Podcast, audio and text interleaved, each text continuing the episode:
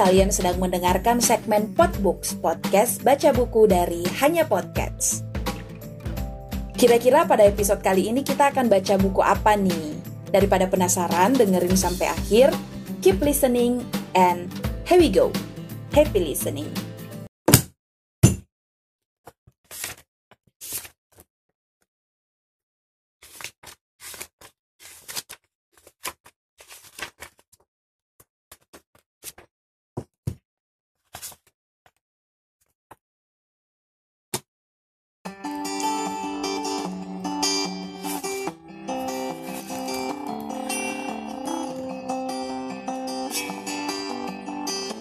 Oke, selamat datang teman-teman sekalian, teman-teman listener dari Hanya Podcast. Hari ini ada satu buku yang menarik perhatian saya banget sebenarnya. Buku ini tuh udah aku beli dari tahun 2016, teman-teman.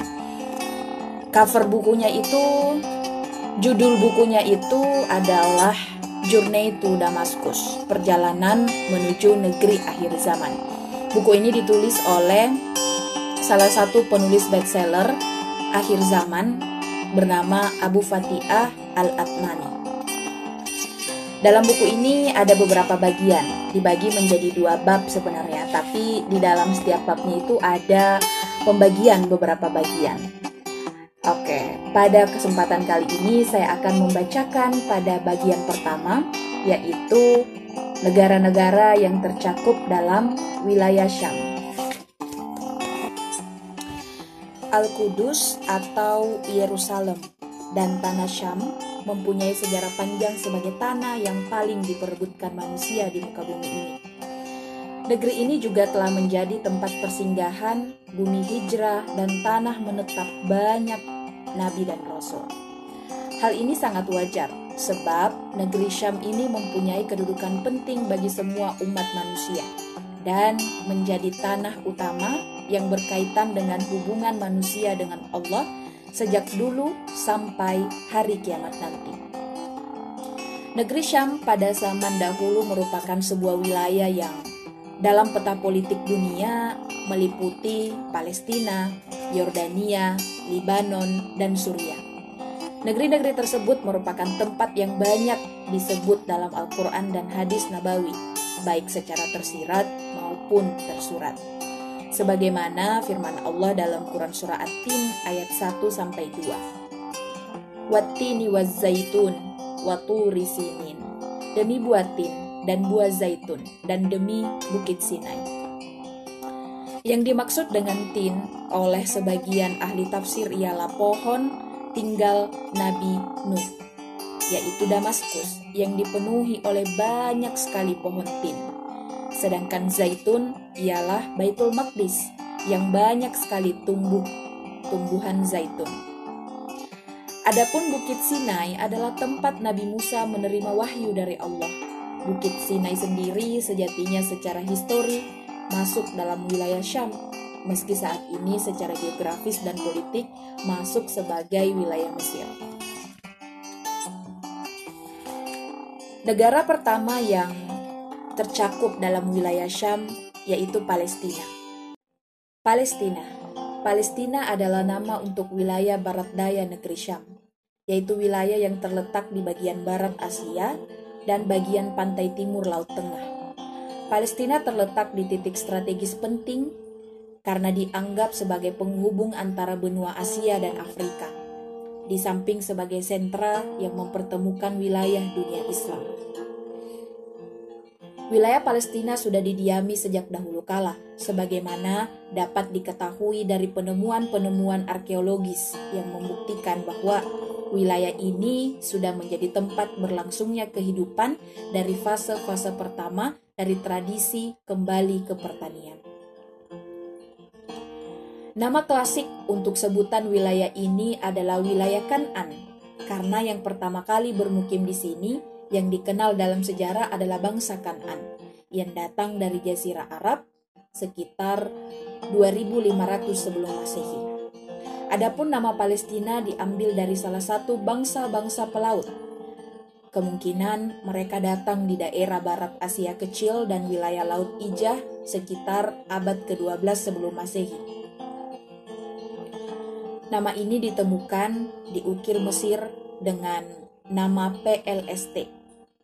Adapun N-nya ditambah untuk uh, kata plural.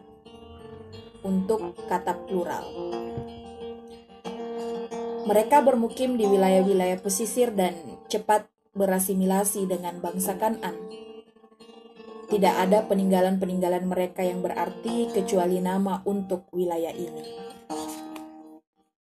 Pada tahun 332 sebelum Masehi, Iskandar Makedoni menguasai Palestina, lalu digantikan oleh orang-orang Romawi yang menjadikan Palestina dan wilayah-wilayah sekitar Syam berada di bawah kekuasaannya. Pada tahun 66 Masehi, Yahudi memantapkan penguasaannya atas Yerusalem. Pada tahun 135 Masehi, Kekaisaran Romawi, Hadrin berhasil memadamkan revolusi Yahudi dan menghancurkan Yerusalem. Lalu, mereka membunuh dan mengelandangkan orang-orang Yahudi. Pada tahun 614 Masehi, Persia kemudian menguasai negeri Syam. Namun, pada tahun 627 Masehi, Romawi berhasil mengalahkan Persia dan mengusir mereka dari Syam.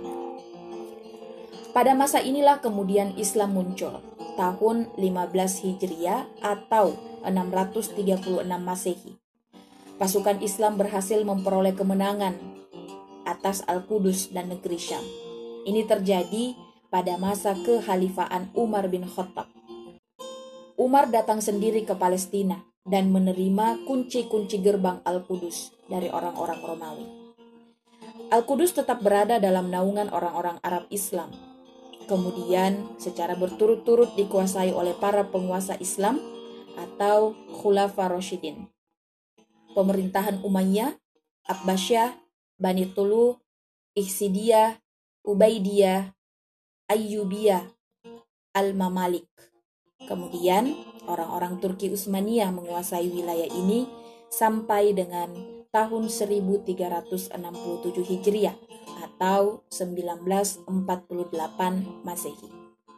Kecuali pada masa Perang Salib, yaitu pada tahun 493 sampai 583 Hijriah atau tahun Masehinya sekitar 1099 sampai 1187 Masehi. Adapun batas-batas wilayah Palestina pada zaman dahulu belum dikenal secara konkret seperti sekarang, kecuali di saat penjajahan Inggris atas Palestina. Secara khusus tahun 1920 sampai 1923. Wilayah ini terkadang menyempit dan meluas dalam perjalanan sejarahnya. Namun, secara umum ada hal-hal yang konstan tentang wilayah ini, bahwa ia tetap terletak di antara Laut Tengah, Laut Mati, dan Sungai Jordan.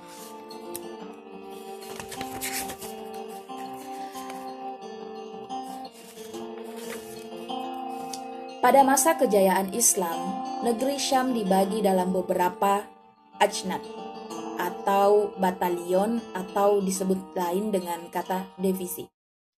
Divisi Palestina membentang dari Rafah yang berbatasan dengan Sinai Mesir hingga Aladjun yang terletak 18 km sebelah barat laut kota Jenin. Pembatasan-pembatasan ataupun yang banyak di saat masa kejayaan Islam daerah Palestina tetap merupakan bagian in, bagian integral dari wilayah negeri Syam. Apa pun yang terjadi dalam pembatasan wilayah baik perluasan ataupun penyempitan, namun hal tersebut tidak dapat mengubah hakikat perasaan anak bangsa ini sedikit pun bahwa mereka adalah bagian dari kesatuan umat Islam dan loyalitas mereka terhadap pemerintahan tidak berubah selama keislaman tetap terpatri secara benar.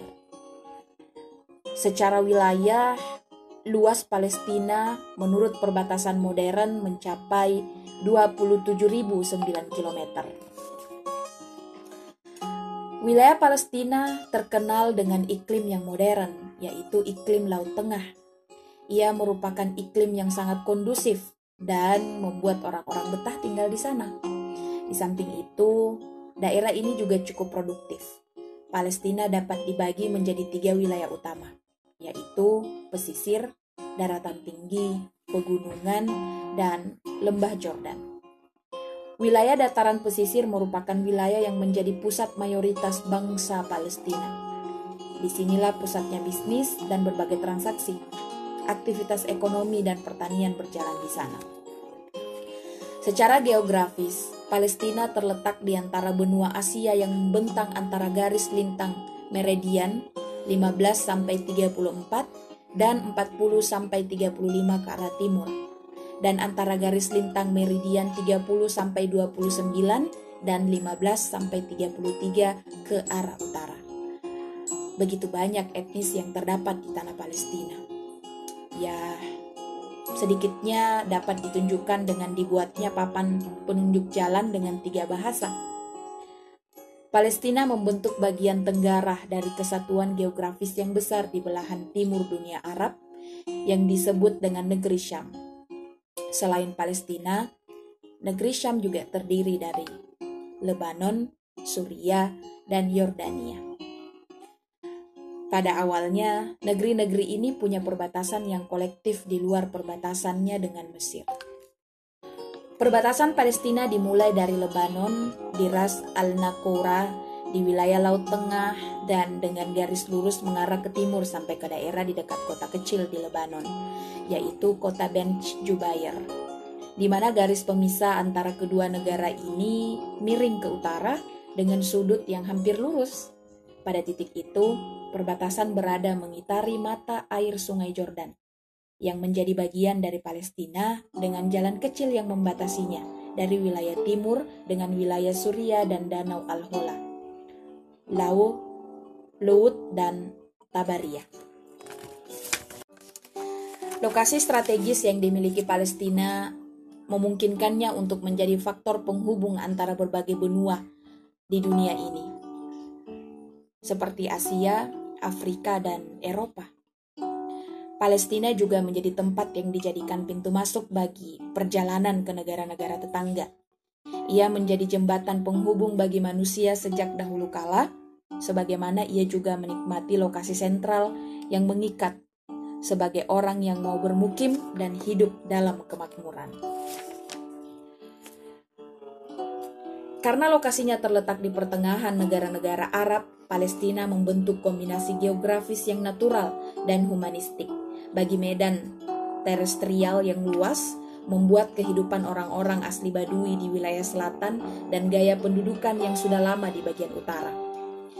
Tanah Palestina ini punya keistimewaan dibandingkan dengan daerah lain karena mereka merupakan bagian di tempat dari tempat diturunkannya semua agama samawi. Tempat di mana peradaban kuno muncul menjadi jembatan aktivitas komersial dan tempat penyusupan ekspedisi militer di sepanjang era bersenjata yang berbeda. Lokasi strategis yang dinikmati Palestina memungkinkannya untuk menjadi faktor penghubung antara berbagai benua di dunia kuno Asia, Afrika, dan Eropa. Palestina juga menjadi tempat yang dijadikan pintu masuk bagi perjalanan ke negara-negara tetangga. Ia menjadi jembatan penghubung bagi manusia sejak dahulu kala, sebagaimana ia juga menikmati lokasi sentral yang memikat sebagian orang yang mau bermukim dan hidup dalam kemakmuran.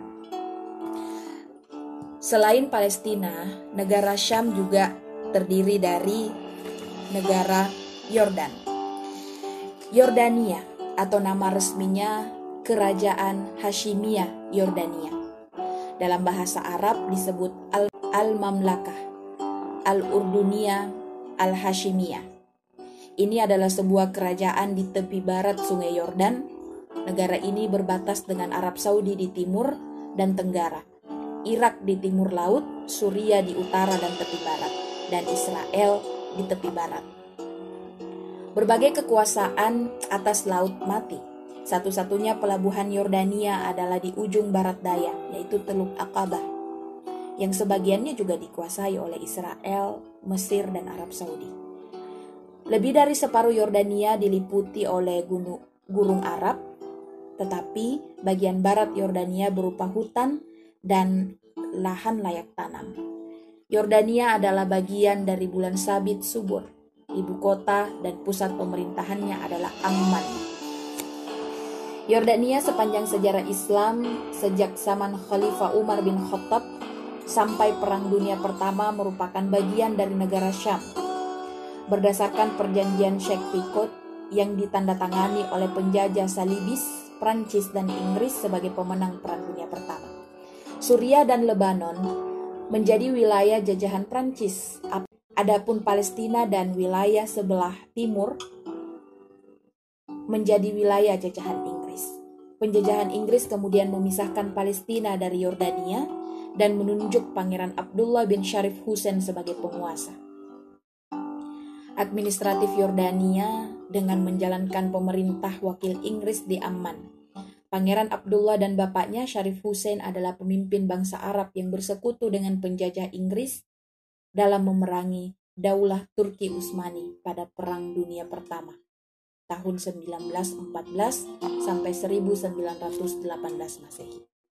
Selain Yordania di negeri Syam juga kita bisa menemukan Lebanon Negeri ini terletak di Asia Barat, di pesisir timur Laut Tengah.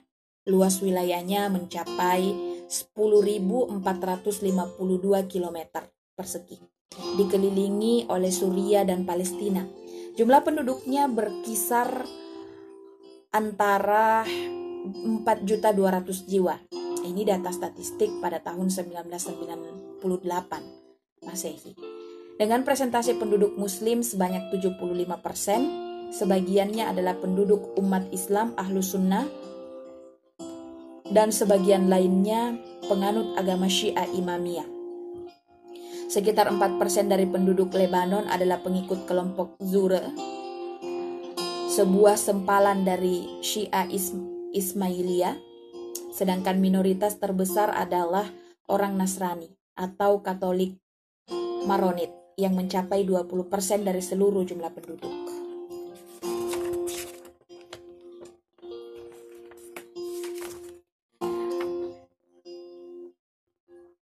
Suria. Suria juga adalah salah satu negara di negeri Syam. Republik Arab Suriah adalah negara yang terletak di timur tengah, berbatas dengan negara Turki di sebelah utara.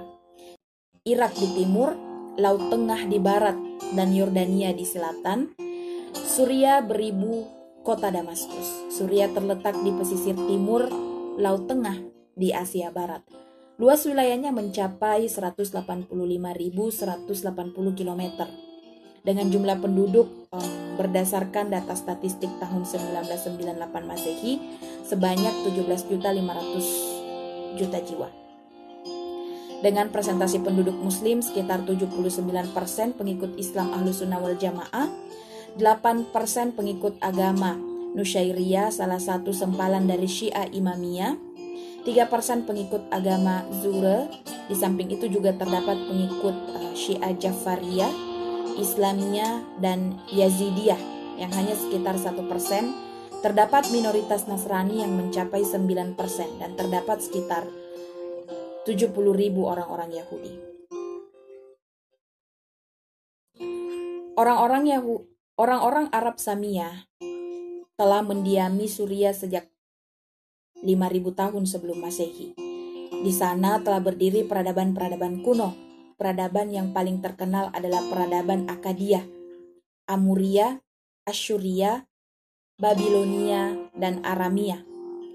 Setelah itu Surya tunduk kepada kekaisaran Akhmidia, Persia, lalu kepada Iskandar Mokadani pada tahun 333 sebelum Masehi.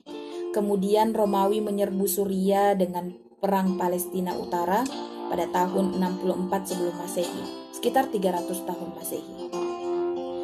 Suria menjadi bagian dari kekaisaran Bizantium.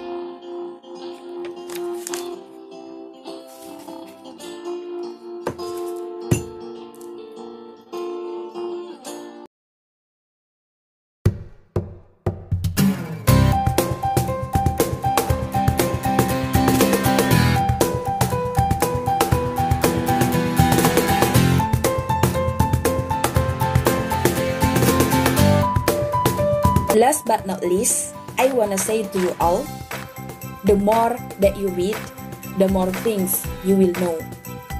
The more that you learn, the more place you will go. Let's think before you speak, let's read before you think. Thanks for listening. Sampai jumpa pada episode berikutnya. Assalamualaikum warahmatullahi wabarakatuh.